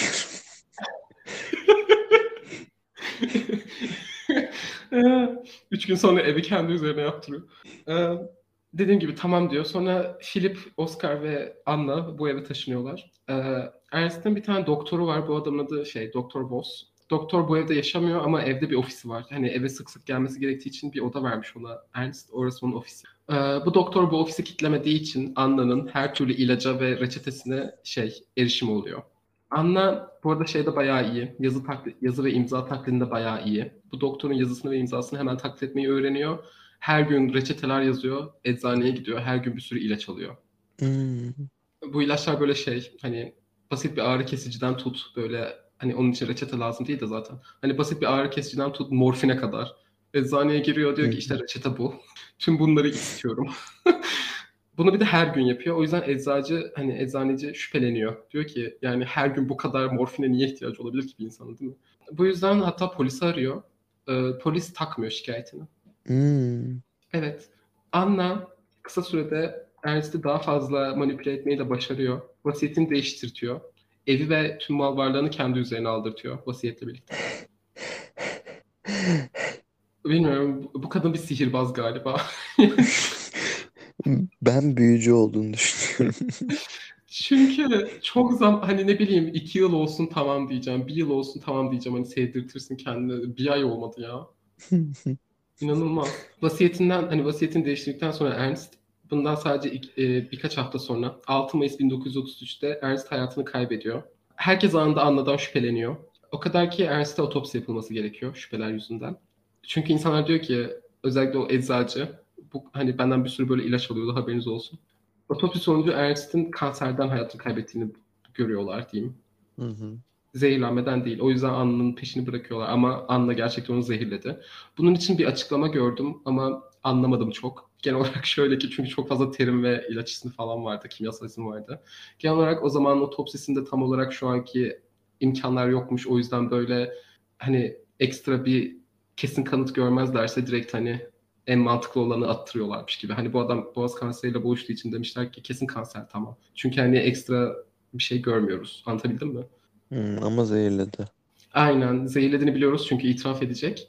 Ama hani zamanın otopsi imkanları yüzünden böyle hani şansı yaver gidiyor biraz. Hmm, Nasıl zehirliyor? Ne Morfinle. oluyor? Hmm. Dediğim Ernst Anna'nın ilk kurbanı. Anna Ernst'i çok yüksek dozda morfinle zehirlene, zehirleyerek öldürüyor. Bunu dört başka adama daha yapacak. Toplamda beş kurbanı var. Hı hı. Yine Ee, bu şekilde böyle çıkarları için amaçları yani çıkarları için mi yapıyor yine? Neyse göreceğiz zaten. Niye soru soruyorsun? Bunu niye soruyorsam. Yani biraz şey gibi hem kendi psikolojisi hem de çıkarları ikisinin böyle bir ortası gibi. Hı hı. Ee, Anna Ernst'i bu vasiyetini değiştirmesine sadece iki hafta sonra öldürüyor. Anna'nın isteğiyle Ernst'in bedeni yakılıyor ve külleri Anna'ya veriliyor. Anna Ernst'in küllerini hani evin evdeki şöminenin üstüne koyuyor. Evde yaşıyorlar. Ondan aldığı parayla bir pastane açıyor. Burada şey Batması için mi? Yeni bir işletme. Ee, açıkçası bu batmayabilir çünkü bayılıyorlar Anna'nın yemeklerine ve tatlılarına yani. Açıkçası Hı hı. bu biraz mantıklı. Böyle- Bence açıkçası hatta pastane açacağını öğrendiklerinde mahalleli böyle göbek falan atmıştır. Oh demişlerdir yaşasın. Ernst'in ailesi Ufuk Anna'ya dava açıyor. Bir ailesi var çünkü çocukları falan var. Diyorlar ki nasıl her şey ona kalabilir bize nasıl hiçbir şey kalmaz. Bu davayı mahkeme dışında hani uzlaşıyorlar. Anna e, aileye 4000 dolar veriyor ve kapanıyor konu. E, bundan sonra Anna e, birkaç yıl boyunca cinayet işlemiyor. Biraz soğuma dönemine giriyor. Biraz biraz soğuma dönemi. Ama suç işlemeye devam ediyor. Para odaklı suçlar işliyor. Evde birkaç kez açıklanamayan yangınlar çıkıyor. Anna bunları sigorta parası için yapıyor ve alıyor da parayı. Anna aynı zamanda pastaneyle birlikte hasta bakıcılığa devam ediyor ama bu süre zarfında insan öldürmediğini biliyoruz. Sadece e, bak hani sözde baktığı insanların parasını falan çalmaya devam ediyor. E, Aynı zamanda vergi kaçakçılığı da yapıyor tabii ki. Anna tabii ki vergi ödemiyor. Şimdi Ufuk bu kısımda tepki vermen gerekecek o yüzden bekliyorum. Ha ha buradayım. 14 Ağustos 1935'e geldik. Yani Anna 2 yıl falan cina- hani 2 yıl cinayet işlemiyor Anna. Soğuma dönemi 2 yıl sürüyor. 14 Ağustos 1935'te Ufuk Charlie hayatını kaybediyor. Onu da mı? Yok onu öldürmüyor. Charlie kendi şey kalp krizinden ölüyor. Kendisi ölüyor. Ama Ufuk Aha. hazır mısın? Charlie vasiyetini değiştirmemiş. Her şey Anna'ya kalıyor. Ne- neden değiştirmiyor? Ve hayatını kaybedene kadar hani davanın görülmesini bekledi. Ama vasiyetini değiştirmemiş. Kimsesi yok falan diye mi acaba? Neden değiştireyim Bilmiyorum. falan Hani mı dedi?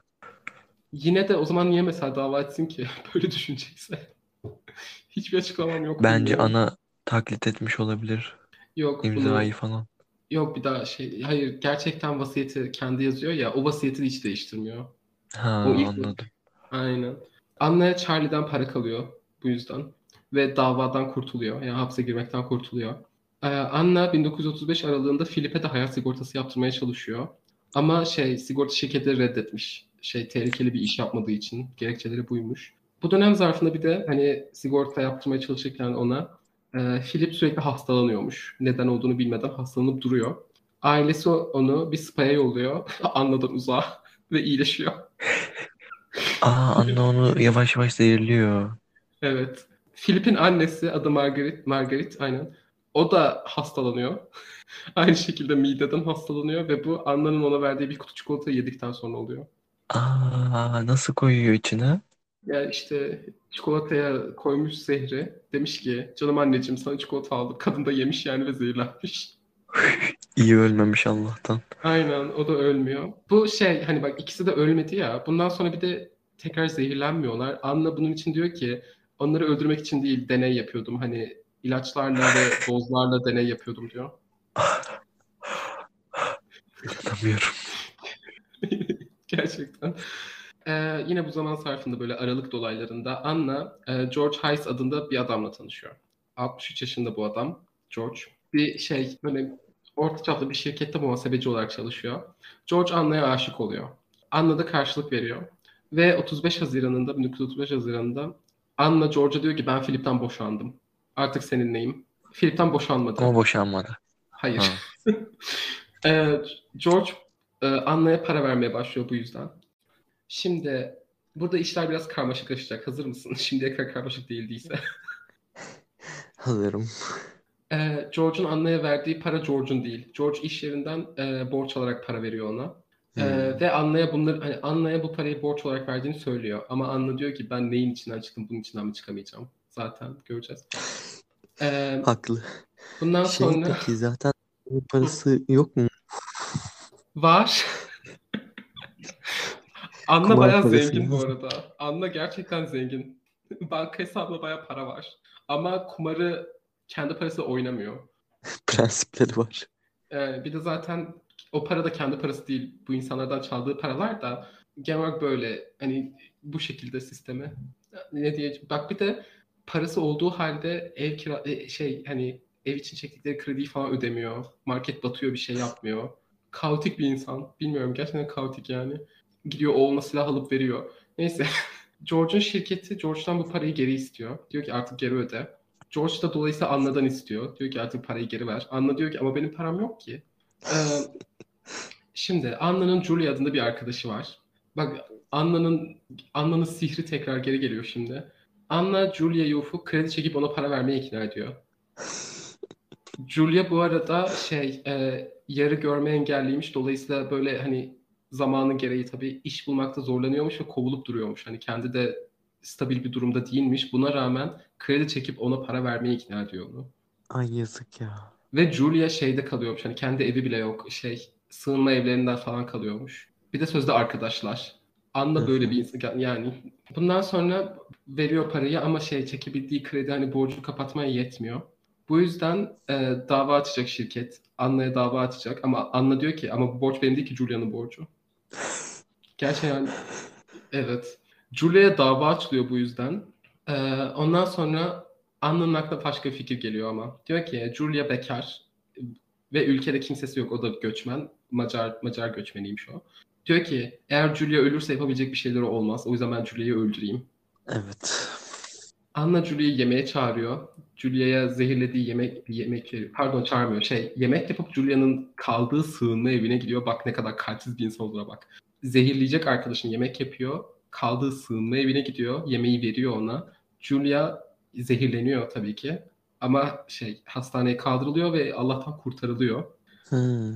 Bundan sonra Ufuk Julia Anna'nın onu zehirlediğini biliyor ama barışıyorlar. Anna özür dilerim diyor ve barışıyorlar. Bu kadar mı ya? Anlamıyorum. Ben gerçekten anlamıyorum. Seni öldürmeye çalıştı. Yani Yani o, olayı ne yani bu kadının bu kadar? bir insan ne kadar tatlı dilli olabilir ya. Bilmiyorum ya. Gerçekten bilmiyorum. Bir şey an, yani Anna bence Anna gerçekten sihirbaz bir şey vardı yani bilmiyorum. Tekrar arkadaş oluyorlar. Bunun da kalmıyor. Anna ona yemek falan yapmaya devam ediyor ve Julia yiyor yemekleri.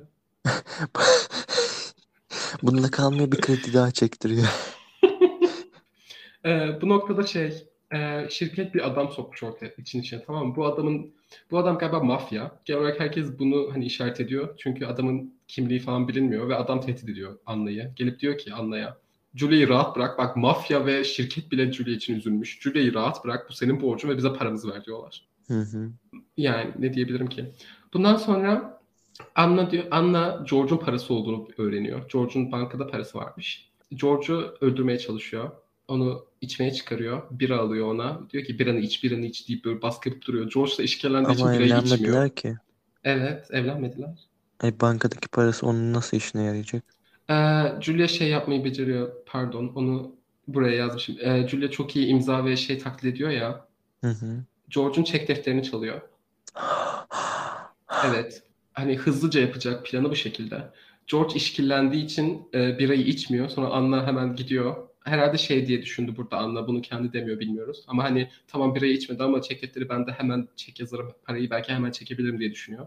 Ama olmuyor. Hı hı. Evet. Ondan sonra e, E, bu, George bu aşamada bence artık anlaşılıp yakalanmalıydı sanki. Çek yazıp parayı çekemediyse eğer.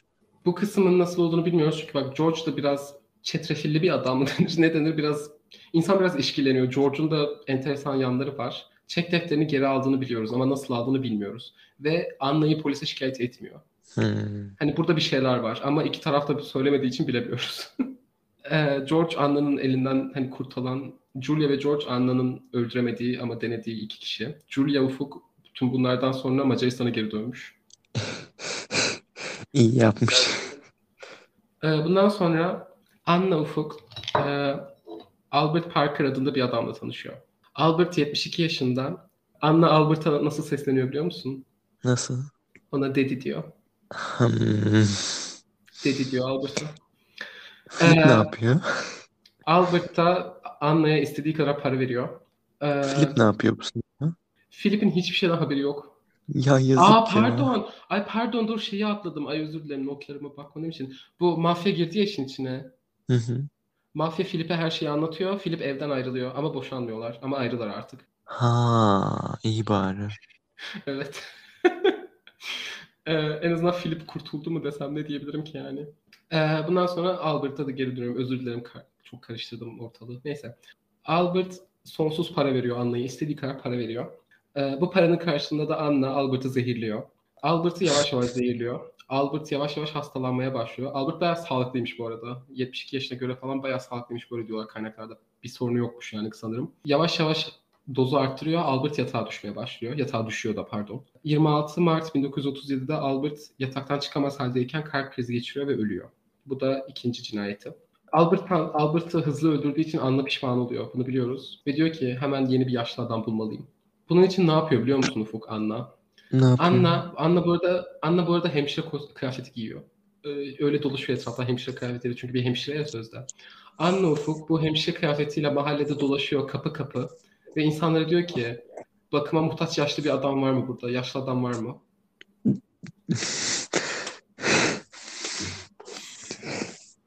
Diyecek hiçbir şey yok. Kapı kapı dolaşıyor, kapıyı açıyor insan ve diyor ki yaşlı adam var mı? İnanılmaz. Bundan sonra bak daha da akıl almaz bir şey yaşanıyor. Biri sonunda diyor ki bir bina, bir evde yani diyor ki iki ev yanında J- Jacob diye biri var yaşlı. Yani diyor biri. Anna diyor ki evet o benim dayım. Nasıl yani? Diyor ki o benim dayım ben ona bakmaya geldim. Ve bu kapıyı açan insan da şey demiyor. "E, o zaman niye dayım Jacob nerede yaşıyor diye sormadı falan demiyor. Tamam diyor hoş harika. Kimse de bu insana şey demiyor mu ya? Senin bir hemşirelik şeyini görelim. Lisansını. Hayır.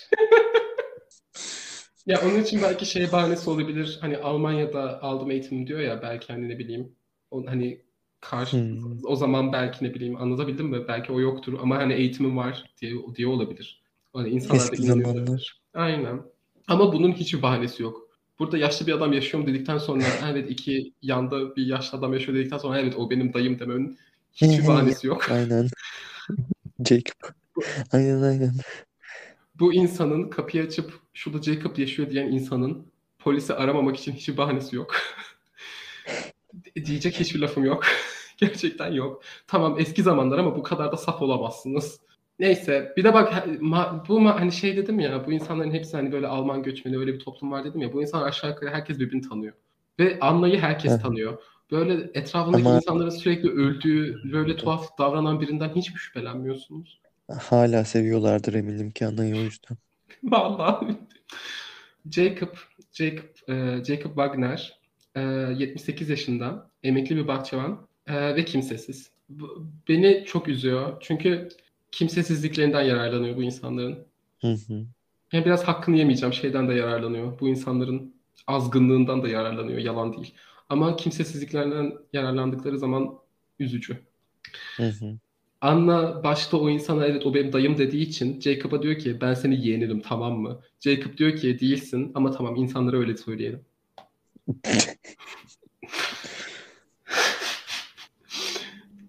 Jacob tamam diyor artık sana bir yeğenimsin öyle olsun. Jacob Anna'ya bayılıyor. bayılıyor ona.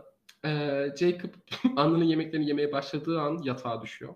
Ee, sürekli keskin mide ağrılarından yakınıyormuş. Anna işe başlar başlamaz Jacob'ın çek defterine el koyuyor. Diyor ki bu artık benim.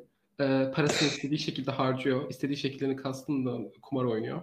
Anna şey 3 Haziran 1937'de Jacob Wagner e, Jacob Wagner'ı zehirleyerek öldürüyor. Yani dozajı artık öldürücü raddeye getiriyor ve yapıyor? öldürüyor. Arsenik. Bu sefer arsenik mi Ee, bunu sonunda söyleyecektim de şimdi söyleyebilirim şey. e, ilk cinayeti Ernest Koch cinayeti e, morfinle, diğer tüm cinayetlerini arsenikle işliyor. Hı hı. Ama başka ilaçlar da ver- veriyor. Ama öldürücü doz arsenik oluyor en son. Hı hı. Jacob, Anna Jacob'ın yazısı ve imzasıyla sahte bir vasiyetname hazırlıyor. Jacob'ın tüm mal varlığı ve evi tırnak içinde sevgili yeğenine bırakıyor. Böyle yazıyor. Sevgili yeğenim Anna'ya bırakıyorum diye yazıyor. Bir şey Bak. diyeceğim. Bu vasiyetnameleri yerine getiren kurumlar bu kişinin yeğeni olmadığını ya da ne bileyim bu kişinin daha önce vasiyetten bir mal varlığı kazandığını falan anlayamıyor mu? Arşiv sistemi ya da ne bileyim. Evet. Bu kadar Bilemedim. aptallık olur. Umursamıyorlar, güveniyorlar. Zamanlar öyle ya.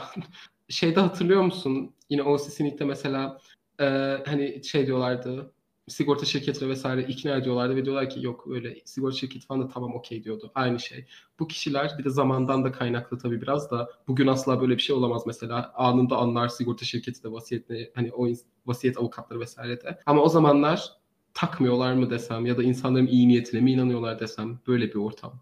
Ama yani Az var Jake diyordur. baksalar Anna'nın Jacob'ın yeğeni olmadığını saniyesinde görecekler ama bakmıyorlar yani. Hı hı.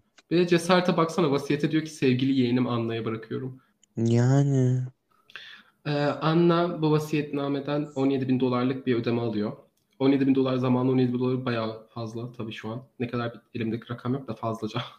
200 dolar 4 bindi mesela dolayısıyla yani. Ee, bundan kısa bir süre sonra Anna bu arada şey e, Jacob Wagner cinayetiyle birlikte hani seri katillerin en sonunda şey dönemi var ya hepsinin çok hızlanıyorlar. hı hı. O döneme girdi şu an. 3 Haziran'da ölmüştü Jacob. 1 Temmuz'da Anna Sadiki kurbanıyla tanışıyor. George Salmon bu adamın adı. George'a dair hiçbir şey bilmiyoruz. Bakmadığım yer kalmadı. Bu adama dair hiçbir şey bilmiyoruz. Sadece o 68 yaşında olduğunu biliyorum. Hı hı. Yine bu şekilde mi yararlanıyor? Ee, George sadece 5 gün hayatta kalıyor. Ee, 6 Temmuz'da e, George'u Anna öldürüyor. Arsenikle yine. Ee, George'un vasiyetinden de 15 bin dolar alıyor. Yine alıyor yani. Evet. Bir de daha 2 ay oldu ya. 2 ay Nasıl bir ay oldu. Bir ay oldu ya. Ee, George Selman'dan kısa bir soru. Ha? Çok pardon. Ee, acaba şehirler, mahalleler falan farklı mı? Hayır. Cincinnati aynı mahalle. Bu mahallenin adı şey neydi? Over the Rhine bu mahallenin adı. Alman göçmenler kurmuş. O yüzden de Over the Rhine. Ama Aynı ya yer. bir de mahalle aynı yani şehir aynı, belgeler falan aynı yerde olması gerekmiyor mu? Bu kişi geçen ay bir tane daha vasiyetname almış. Aa. Evet. İnanılmaz. Hadi desem eğer inanılmaz. olsa, farklı olsa diyeceğim ki arşivleri görmemişlerdir. İşte bakmıyor olmaları lazım. Hani şey sonda göreceğiz şüphelenen insanlar oluyor ama hani denetlemesi gereken insanların ya umurunda olmamış ya da doğru düzgün bakmamışlar bile. Bu, hepsi Alman asıllı göçmenler. Hepsi aynı yerde yaşıyor. Hepsi Cincinnati Over the Rhine bölgesinde yaşıyor. Herkes birbirini tanıyor, anlayıyor özellikle. Herkes tanıyor. Yine de bu yaşanabiliyor. Evet. Hı hı. George Selman'dan kısa bir süre sonra da Anna son kurbanı ile tanışacak. Bu adamın adı e, George Obendorfer. E, George Obendorfer 67 yaşında bir ayakkabı tamircisi. Anna ile şöyle tanışıyorlar. Anna Anna'nın bir gün sokakta yürürken ufuk topuğu kırılıyor. Ayakkabısının topuğu kırılıyor. Ve Anna diyor ki aha hemen şuracıkta bir tamirci var. Giriyor içeri. Bu e, George Obendorfer'ın ayakkabıcısı. Anna çok karizmatik ve manipülatif olduğu için ayakkabı tamiri olana kadar kendini aşık ediyor kendini. George aşık oluyor. Ayakkabısını tamir edene kadar Anna'ya. Ne zaman peki? Ee, 5 Temmuz'da öldü ya en son. Bu seferki kaçında acaba? Şöyle söyleyeyim 21 Temmuz'da George hasta olmaya başlayacak. Aa. Evet. Bu ilk hani tanıştıklarında George hemen aşık oluyor Anna'ya. Anna da diyor ki aha yaşasın. Düzenli bir şekilde George'u ziyaret etmeye başlıyor. Bu ziyaretler de hemen romantikleşiyor tabii. Ve evlilik hakkında konuşmaya başlıyorlar hemen. Hemen tanışalı daha kaç gün oldu. Hemen evlilik hakkında konuşuyorlar. Şimdi tam biraz zamanların da etkisi olabilir. Bir de bu insanlar hani daha yaşlı insanlar falan ama yani ben anlamıyorum. Anna nasıl ne kadar manipülatif olabilir bir insan. Anna bu konuşmalar sırasında George'a diyor ki ben hep Colorado Springs'i görmek istedim. Oraya gitmek istiyorum. Ve diyorlar ki hadi tatile gidelim birlikte. Zaten evleneceğiz bir tatil yapalım. Sen, ben, benim oğlum Oscar. Anna, George ve Oscar 20 Temmuz'da yola çıkıyorlar. George dediğim gibi 21 Temmuz'da hasta olmaya başlıyor. Hastalığı başlıyor 21 Temmuz'da. Yoldayken Anna'nın yemeklerini yemeye başladığı an adam hastalanıyor. 23 Temmuz'da Colorado Springs'e varıyorlar e, ve George yataktan çıkamaz halde vardıkları zaman. 29 Temmuz'da George'un otel odasından gelen kokular var. Çok koku geliyor. Dolayısıyla otel görevlileri odaya giriyor ve George'u yatakta nefes alır ama bilinçsiz bir şekilde buluyorlar. Cevap vermiyor. Ve kendi kusmu ve dışkısıyla kaplı. Hmm. Ondan sonra bu otel görevlileri Anna'ya diyor ki hanımefendi siz birlikte geldiniz ya bu adam ne böyle niye hastaneye götürmüyorsunuz? Anna diyor ki ben bu adamı tanımıyorum. Otele birlikte giriş yaptınız. Herkes biliyor tanıdığını Anna. yani Anna'ya diyorlar ki hanımefendi hastaneye gidin. gidin ya gidin diyorlar. Anna tamam diyor. George'u bir hastaneye bırakıyor. Hastanede çalışan insanlara, hemşirelere diyor ki ben bu adamı tanımıyorum. Sokakta buldum. Böyle görünce getirmek istedim. Ee? Yani ve bırakıyor hastaneye George'u. Oscar'la birlikte eve dönüyorlar. Ay yazık ya. George Obendorfer 1 Ağustos 1937'de e, bu hastanede hayatını kaybediyor, ölüyor. Arsenik zehirlenmesi onunki, onun ölümün sebebi de. E, Anna George'a kendini varlıklı biri olarak tanıtıyor tamam mı? Ve gerçekten varlıklı biri, yalan değil. Ve George'a diyor ki bak hani George'dan aldığı para şu şekilde. George'a diyor ki tatil hani ben karşılayacağım masrafları. George da tabii altında kalamaz çünkü erkek ya işte zamanla. Diyor ki o zaman ben sana 5000 dolar vereceğim. Tamam ver. Anna da diyor ki asla kabul edemem hayatta olmaz. Peki tamam alayım. Eğer senin gönlün böyle rahat edecekse. ee, Anna'nın George'dan aldığı 5000 dolar. Aynı zamanda Ufuk ama Anna oteldeyken iki tane de altın yüzük çalıyor. Nereden çalıyor? Adamdan mı? Bunu bilmiyorum. Yok George'dan değil. Oteldeyken herhangi birinden sanırım iki tane altın yüzük çalıyor otelde. Yok artık. Anna'nın yakalanmasına e, bu iki yüzük sebebiyet verecek. Yaptığı bunca şey Hmm. değil ki yaptığı hiçbir şey hani böyle mükemmel gizlenmiş, harika, yani planlanmış şeyler değil. Bu iki yüzük sayesinde yakalanacak Anna. Ee, şöyle Anna 9 Ağustos'ta Cincinnati'ye geri dönüyor. O dönene kadar şey fark ediliyor. Otelde diyor ki yani yüzük çalınmış iki tane. Otel çalışanları direkt diyor ki yüzüklerin çalındığı gün şöyle tuhaf bir şey gerçekleşti. Şöyle bir kadın ve şöyle bir adam vardı. Polise bunu söyler. Diyor ki hani şöyle insanlar vardı haberiniz olsun. Ee, 10 Ağustos'ta bu yüzden tutuklanıyor Anna. Çünkü diyorlar hani ismine bakıyorlar. Kendi ismiyle giriş yapmış otele. Aynı zamanda George da ölmüş yani. Doktor şey polisler diyor ki burada ne oldu bu ne yani. Polis Anna'yı yüzükleri için sorgularken George için de sorguluyorlar dolayısıyla. Diyorlar ki ne oldu yani bu adama. Tabii ki de tanıyorsun sen bu adamı falan diyorlar. George tanımadığını söylüyor. Diyor ki yüzükleri ben çalmadım. George'u da tanımıyorum. Neyden bahsettiğinizi bilmiyorum. Ee, bu noktada şimdi bu arada Ufuk bu tarihin en hızlı e, seri katil soruşturması falan olacak. 48 saat içinde kanıtlayıp tutuklayacaklar.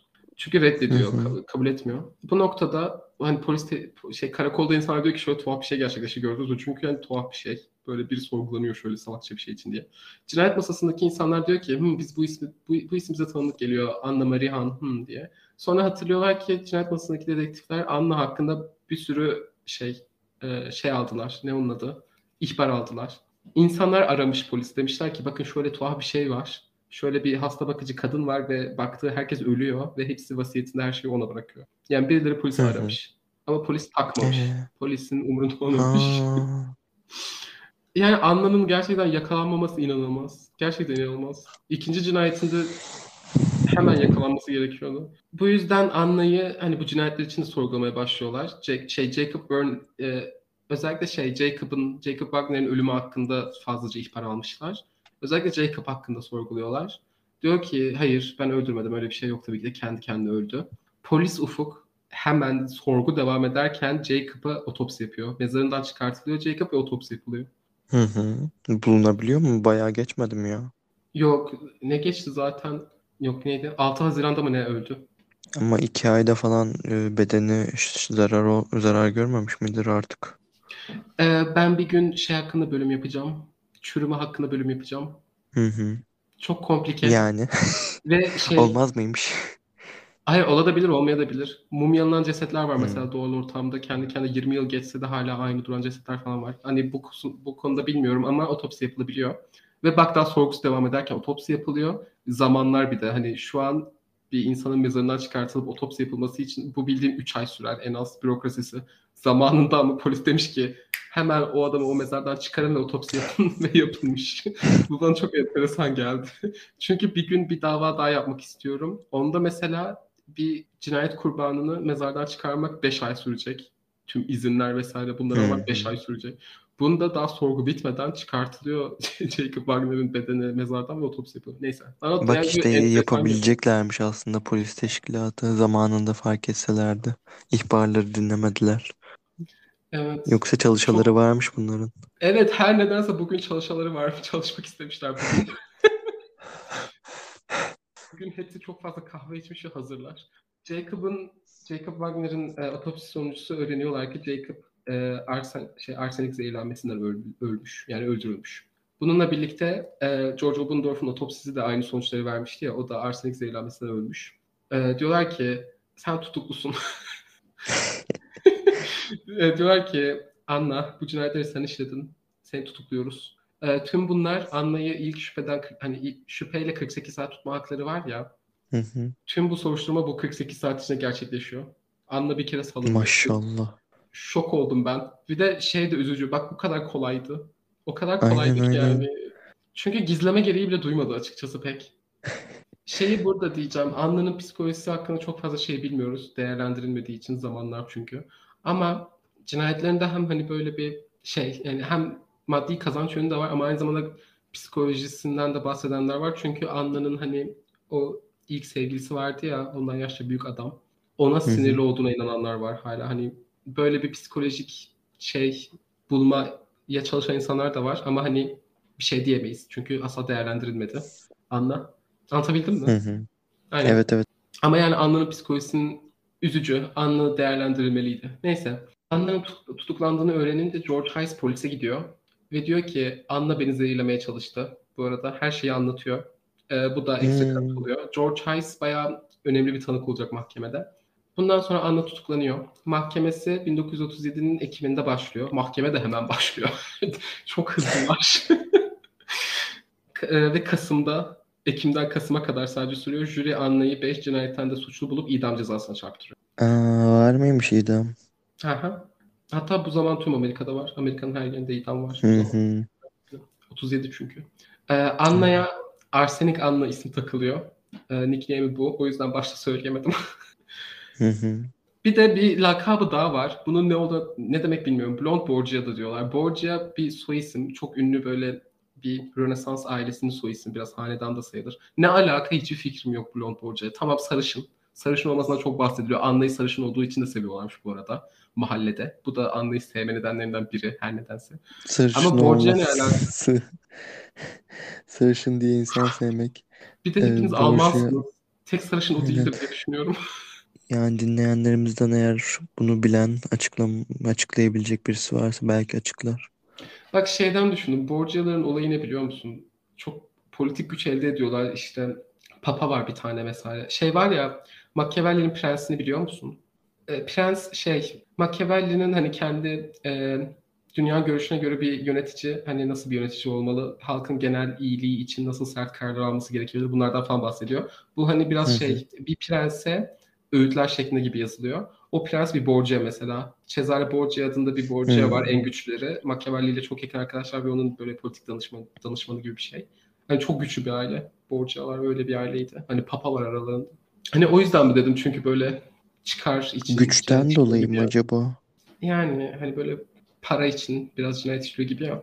O yüzden mi diye düşünüyorum hı. ama o yüzdense de çok saçma bir lakap. Zorlama sanki evet. Yani çok 1937 kokuyor buram buram. Ama yani arsenik anla da hoş mu bilmiyorum. Arsenik benim iki favoriden seri katil nickname'lerine karşı biraz şey yaklaşıyorum. Çünkü bazen böyle onları hani o insanlara böyle havalı isimler takıldığını düşünüyorum bilerek. Bu hoş değil gibi geliyor. Ama iki tane sevmeden, ed- sevmemezlik edemediğim nickname var. Seri katil nickname'i. Arsenik Anna ve Tifo Mary. Tifomeri'yi Burak bana anlattı ve gerçekten bir yapmalıyız yakın zamanda. Ne zaman, ne zaman Tifo Mary dense gülüyorum. Hoş değil ama gülüyorum. Çünkü Tifo Mary o kadar net ki. o kadar Tifo Mary. Çünkü- Şimdiden spoiler oldu. Çünkü adı Mary'ydi ve insanlara tifo bulaştırıyordu. tifo Mary. Arsenik Anna. Çünkü adı Anna ve insanları arsenikle öldürdü. Net. Çünkü bazen çok komplike şeyler oluyor böyle. Şeye falan şeye falan dair bilgi var mı mahkeme sürecine dair falan? Aynen. Şimdi boş yaptım bayağı ama oradayız şimdi. Bayağı ilgi görüyor bu dava ve Anna. Çünkü Amerikan tarihlerinin ilk seri katillerinden biri. Bilinen ilk seri katillerinden biri. Ee, aynı zamanda mahkeme boyunca çok şık giyiniyor ve utangaç bir tavır sergiliyor böyle hani böyle utangaç diyorum da biraz şey hani böyle bir hanımefendi şöyle davranır falan tarzı bir şey var ya ürkek. öyle davranıyor böyle işte aynen ürkek bileğini bürküyor vesaire falan böyle gözlerini kaçırıyor. Anlatabildim böyle bir rol kesiyor. Anla onlara at yarışına gittiğin günleri anlat. Aynı zamanda George Hayes'ın mahkemedeki tanıklığı çok ünlü. George böyle çok dramatik bir gösteri sergiliyor. Mahkemeye tekerlekli sandalyeyle geliyor. George tekerlekli sandalye kullanmıyor. Mahkemeye tekerlekli sandalyeyle geliyor. Neden? Drama bilmiyorum. Ama tekerlekli sandalye kullanmasına gerek yok. Yani haklısın gerek yok gerçekten.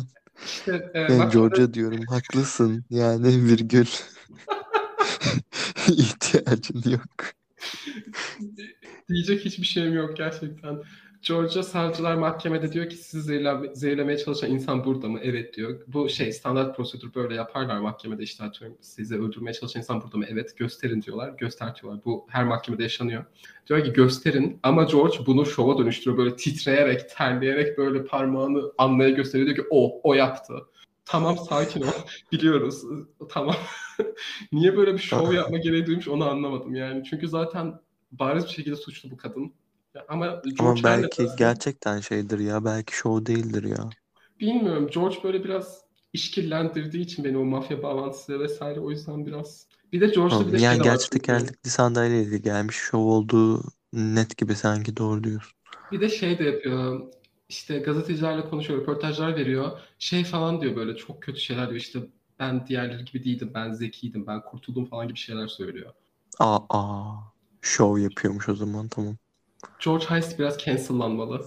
Öncelikle ableizm de yaptı. Bir de şimdi geliyor victim blaming, victim shaming de yapıyor. George Heist bugün yaşansaydı cancellanmıştı. Yani evet tabii mağdur falan ama yani ayıp da etmiş. Teker, bak, tekerlekli sandalye kullanmasına gerek olmadığı halde mahkemeye tekerlekli sandalyeyle gelmesi ben atlatamadım hala bunu. Bu bilgiyi hala ben sindiremedim. Ve biliyor, herkes biliyor tekerlekli sandalye kullanmasına gerek olmadığını. Şey de çok konuşuluyor. Ee, Anna Ufuk çantasında sürekli iki tane tuzluk taşıyormuş ve iki, bu iki tuzluk arsenikle doluymuş. Aa, sürekli ne zaman bir insanın zehirleme ihtiyacının doğacağını bilemezsin. Bir de tuzlukta olma detayı hani yemeğe tuz döker gibi insanları zehirleyebilir yani kolayca. Ama şey biraz komik olabilir. Çantasından tuzluk çıkarıyor. İşte o duygunun ne zaman geleceğini bilemezsin ve yanında taş arsenik taşımalısındır. I got hot sauce in my bag swag. I got arsenic in my bag swag. çok eski tarihler diye görebiliriz bence. Neyse. Anna'nın suçlu olduğu çok bariz. Savunma sadece idam cezası almamaya çabalattırıyor. Ama şöyle ki, şöyle bir salaklık yapıyorlar. Aslında salaklık da denmez de. Anna bir kadın olduğu için idam cezası almayacağına eminler. Buna çok gönülden inanıyorlar. Diyorlar ki kadınlar idam edilmez ki. ki biraz yalan değil. O zamanlar hani çok eski zamanlar ya şey var biraz kadın kadın suçlar idam edilemez. Onlar kadın anlatabildim mi? Yani buna gönülden inanıyorlar. Anna idama mahkum edildikten sonra Anna buna hala gönülden inanıyor. Anna diyor ki ya ben idam edilmeyeceğim. Ben bir kadınım. Bir kadını idam etmezler. Buna gönülden inanıyor Anna. Son ana kadar inanıyor. Ohio eyaletinin bilinen ilk seri katili Anna. Aynı zamanda Ohio'da idama mahkum eden ilk kadın. Ee, tüm temizleri reddediliyor. Hepsi bir bir reddediliyor. Temizlerin gerekçesi de bu arada genel olarak şey. Kadınlar idam edilemez ki. Temiz, temize bu gerekçeyle gidiyor. Çünkü dava sürecinde hani haksızlık yapılmadı. Bunu biliyoruz. Aynı zamanda suçları onun işlediği bariz. Akli dengesinin yerinde olduğunu da biliyoruz. İdam almaması için hani idam cezası verildi. Hani anlatabildim mi? İdam alabilir. Hukuksal açıdan hiçbir engel yok buna. Temizleri de otomatik olduğu için zaten oluyor. Anna yine de diyor ki ben idam edilmeyeceğim. Amerika'da şey var. E, eyal, o eyaletin valisi ve Amerikan başkanı son ana kadar hani şey idamı reddedebilir. Tüm idam mahkumları idam günü geldiği zaman şey o eyaletin valisinin imzalaması gerekiyor kararı. Tüm idam hmm. mahkumları için böyle bir şey var. Yani o ana kadar hala şey ihtimalin var. Müebbeti çevrilme ihtimali var. Çünkü valinin ve Amerikan başkanının bu karar verebilme hakkı var. Anna da diyor ki yok yani idam etmeyecekler ben biliyorum. Ondan sonra gün geliyor.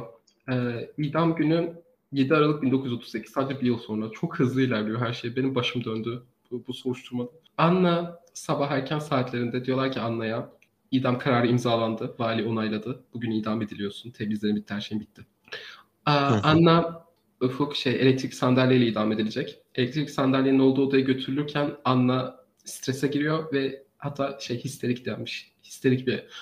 Ama neyse bu ama gerçekten bunun için biraz tereddüt ettim çünkü özellikle bu zamanlarda ne zaman bir kadından bahsediyor. Bir kadın eğer ben buna katılmıyorum derse bir şey için histerik deniyor böyle kaynaklarda. Çünkü insanlar o zaman hani sesini yükselten her kadın histerik damgası yapıştırmış ama Anna'nın durumunda gerçekten histerik. Kimse bir şey yapamaz mı? Aman tanrım, aman tanrım kimse bir şey yapamaz mı? Nasıl olur falan diye bağırılarak götürülüyor odaya.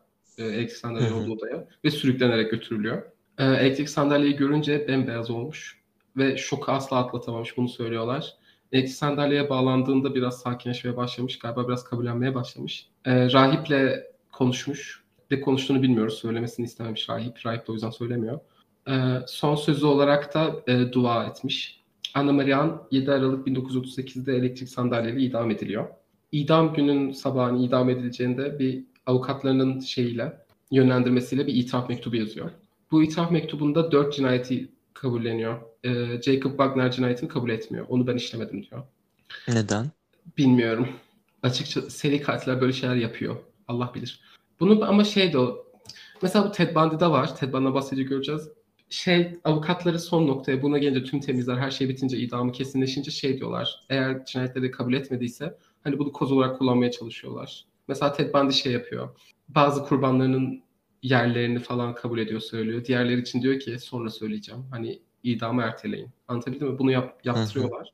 Ama Jacob'ın hani itiraf etsen ne olur etmesen ne olur. Ne yazık ki şu an biraz öyle bir noktada. Hani belki böyle bir şey olabilir. Belki daha duygusal ya da psikolojik bir yönde olabilir. Ama Jacob Wagner cinayetini üstlenmiyor. Avukatları bu itiraf mektubunu e, en yüksek parayı veren gazeteye satıyor. Neyse. Dediğim gibi idam edildi. Ee, Ohio'da idam cezasına çarpılan ilk kadın. Hı. Anna Marie Han bölümümüz de burada bitiyor. Han kimin soyadıydı? Filip'in soyadı. Eşinin. Ha Filip'in. Filip ne yapıyor bu süreçte ya? Philip ayrıldıktan sonra bir daha Philip'ten haber alamıyoruz.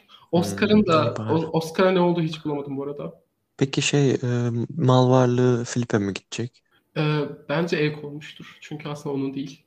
Aa, Yani eyalet el koymuştur diye düşünüyorum. Öyle yapıyorlar çünkü. hı Ya da şey- anladım. Belki şey de yapılmış olabilir. Hani kurbanların ailelerine verilmiş de olabilir. Hani gerçekten o parayı alması gereken insanlara da dağıtılmış olabilir. Eyalet direkt el koymuş da olabilir. Bilmiyorum. Çünkü Hı hı. bazen şey yapıyorlar. Bir cinayette bundan bahsedeceğiz. Ee, bu katile çok benzer başka bir seri katil daha var. Onda bir tartışma yaşanıyor. Diyorlar yok o seri katil değil başka bir katil. Tek bir seri katil değil bir katil. çok benzer bir dava. Manipüle ederek e, şey vasiyetname yazdırıyor. Ondan sonra diyorlar ki ama bu vasiyeti hani gerçekten o insan yazdı. Dolayısıyla geçerli. O yüzden mesela kızları var. Öldürülen kişinin iki tane kızı var. Kızlarına para vermiyorlar. Buna karar veriliyor. Hani böyle bir şey olduysa devlet el koymuştur diye düşünüyorum. ya da eyalet. Çünkü hani idam idama mahkum edildi mesela. O kişi e, mahkum olmadı. O yüzden el, al- el koyamadılar. Bilmiyorum. Umarım ailelerine verilmiştir ama. Umarım. Biraz karmaşık anlatmış olabilirim. Özür dilerim ama böyle. Yok ya ben bile ben bile gayet iyi anladım. Bence güzeldi. Oscar'a dair bir şeyler bulmaya çalıştım çünkü Oscar umarım sisteme geçmemiştir. Yani hani sistem koruması altına alınmamıştır. Çünkü sistem koruması altına insanlar Üf. ama ne olduğunu bulamadım Oscar'a. Çünkü zaten biraz şey bir çocuk ya. Ama Travmatize başka edilmiş. nereye gidecek ki? Umarım Almanya'ya geri yollamışlardır şeye. Hmm, Büyük annesi belki büyük evet. babasına. Onun için bence en iyisi o olurdu gibi. Aynen bence de. Böyle. Eline sağlık. Çok güzeldi gerçekten. ilginç bir şey seçmişsin. Ben demiştim bölümün başında zaten sen e, bölümlerini bir sebepten dolayı seçiyorsun ve ben yine de senin neden seçtiğini anladım. Bana da Ee, söyle. ya neden neden diye değil. Senin bir tarzın var ve sen o şeyi yakaladığın zaman o bölümü yapmak istiyorsun genellikle ve o malzemeyi veren şeyleri seçmeye çalışıyorsun ve öyle bir bölümdü. Nasıl açıklayacağımı bilmiyorum. Tamam, teşekkür ederim. Bence bu bir iltifattı. Teşekkür ederim. Evet evet iltifattı. Tamam o zaman kapatıyorum ben. Şimdi kapanış yapıyorum. Eğer söylemek istediğim bir şey varsa ekle.